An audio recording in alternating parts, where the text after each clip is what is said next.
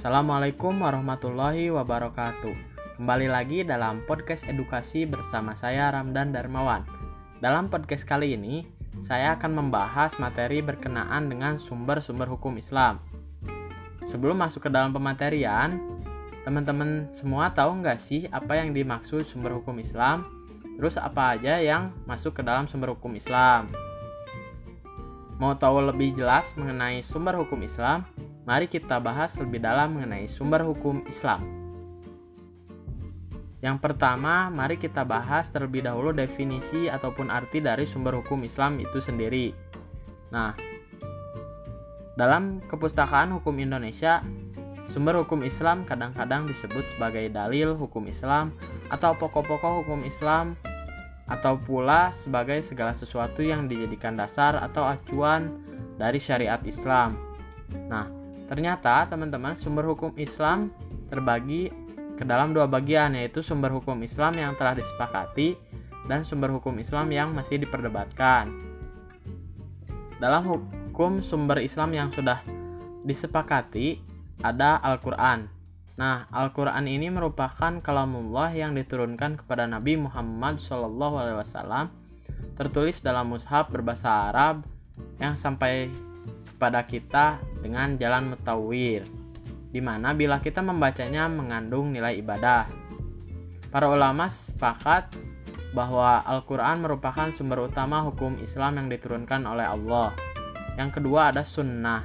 Sunnah ini merupakan semua yang bersumber dari Nabi Muhammad SAW selain Al-Quran, baik berupa perkataan, perbuatan, ataupun persetujuan.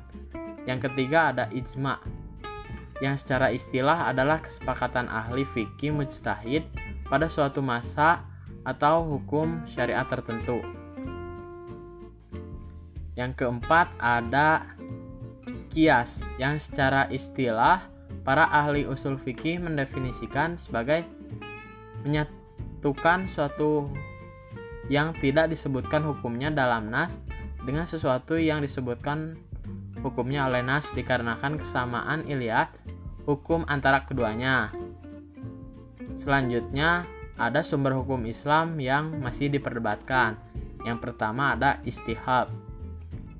Istilah secara istilah ilmu usul fikih yang dikemukakan oleh Abdul Hamid Hakim istihab istihab yaitu menep, menetapkan hukum yang telah ada pada sejak semula tetap berlaku sampai sekarang karena tidak ada dalil yang merubah. Yang kedua ada istisan, yang secara istilah adalah berpindah dari suatu hukum yang sudah diberikan kepada hukum lain yang sebanding dengannya karena ada suatu sebab yang dipandang lebih kuat. Yang ketiga ada masalah al-mursalah, yang secara istilah adalah sesuatu yang mengandung kemaslahatan dirasakan oleh hukum sesuai dengan akal dan tidak terdapat pada akal.